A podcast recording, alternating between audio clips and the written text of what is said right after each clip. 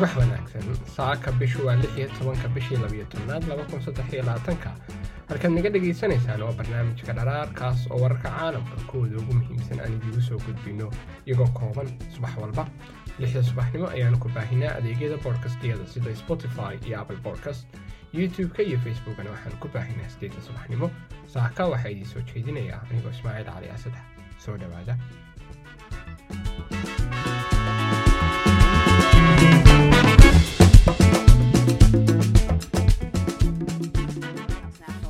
Advisor Jake Sullivan is in Israel to meet with Prime Minister Benjamin Netanyahu. And this comes as his government israa'iil ayaa weli sii wada duqaymaha ay ku hayso qasa inkastoo sarkaal sare oo maraykan ah uu sheegay in tal abiib ay ogolaatay in la joojiyo duqaymaha baahsan iyo howlgallada dhulka loona gudbo beegsiga saxda ah ee xamaas inkastoo ayse soo tarayaan baaqyada caalamiga ah ee isxakamaynta israa'iil ayaa jimcihii ku adkaysatay duulaanka ay ku hayso qasa duqaymo dhanka cirka ah oo ay israa'iil ka geysatay qasa ayaa waxaa ku dhintay ama ay ku dishay israa'iil tobanaan qof.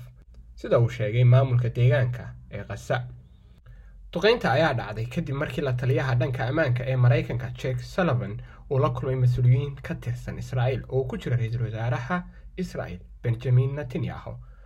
Waxaa jiri doona u gudubka weji kale oo dagaalkan ah kaasoo diiradda lagu saarayo habab sax ah oo lagu beegsanayo hoggaanka iyo howlgallada ay wadaan sirdoonku ayuu ergeyga gaarka ah maraykanku u sheegay suxufiyiinta tal abiib kulanka kadib si kastaba ha ahaatee ma uusan sheegin goorta isbeddelku dhici doono maraykanku wuxuu israa'iil kula heshiiyey in dagaalka qasa uu weli socon doono muddo bila ah sullivan waxauu intaa ku daray isagoo xusay wadahadallo xoogan oo ku saabsan marxaladaha mustaqbalka ee iska hor imaadka iyo natiijada ka dhalan karta washington waxaa kale oo ay ka shaqaynaysaa sidii loo soo dayn lahaa maxaabiista hadhay ee israa'iil ee lagu haysto gudaha qasa sidaasna waxaa sheegay ergeyga.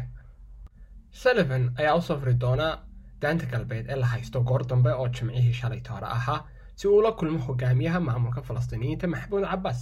Sullivan ayaa u sheegay netanyahu inaysan habbooneyn in israa'iil ay qabsato qasa muddo dheer ma aaminsanin inay macno u leedahay israa'iil ama sax tahay in israa'iil qabsato qasa oo ay dib u qabsato muddo dheer. Ugu dambayntana gacanta ku haynta qasa maamulka qasa iyo ammaanka qasa waa inay u gudbaan falastiin.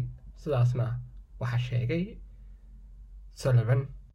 Washington ayaa soo jeedisay in dagaalka kadib maamulka falastiiniyiinta ee caalamku uu aqoonsan yahay oo maamusho daanta galbeed ay door ku yeelan karaan maamulka qasa halkii ay ku ahaan lahaayeen xamaas waa qodobada suurtagalka ah in sullivan uu kala hadlo.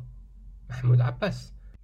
Falanqeeyaha sare ee siyaasadda aljaziira marwan bishaara ayaa sheegay in quwadaha adduunka ugu horreeya toddobaatankii sanee la soo dhaafay ay israa'iil baxdishay maraykanku wuxuu dhigay dhowr khadcas dib u qabsashada markii hore wuxuu ku tilmaamay khadcas inay tahay hadda dib muddada dheer ayuu ku tilmaamayaa maraykanku inuu yahay khadcas. Imaanshaha civilian ee gobolka waanu fahmnay ayuu yidhi maxalilku isagoo uga dan leh in danaha maraykan ay iminka mar kale khad cas oo cusub ay u dhigayaan. Israa'iil mar haddii israa'iil khadkii hore ay soo dhaaftay.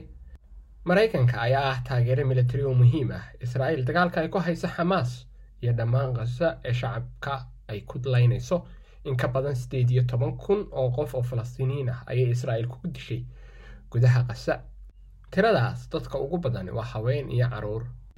Maraykanka ayaa si isdaba joog ah u diiday go'aanada golaha ammaanka ee qaramada midoobay oo ku baaqay in xabad joojin laga sameeyo gudaha magaalada khaza oo u dhexaynaya xamaas iyo israa'iil.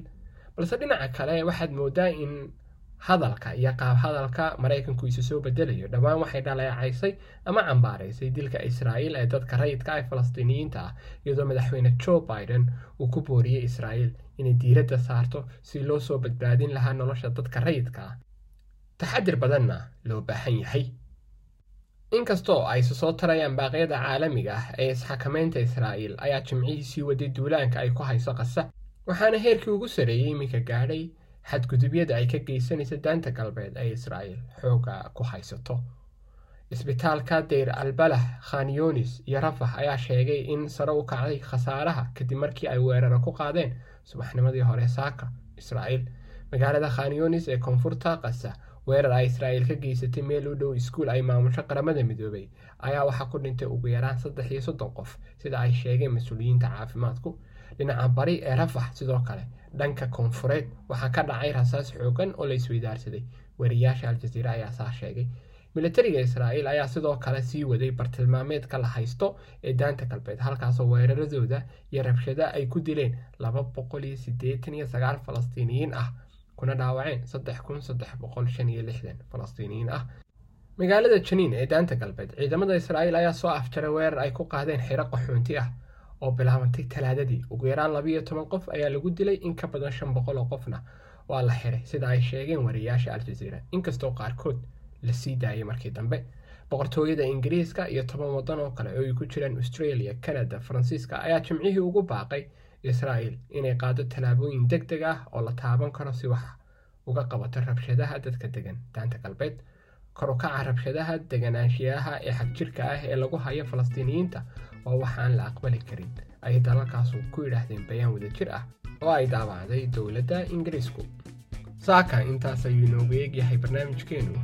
Dhammaan waynu ducaynaynaa falastiin iyo dadyowga ku shahiiday qaso gudaheeda. Idinkana maalin qurux badan oo fiican ayaan idiin rajaynaynaa. Nabaday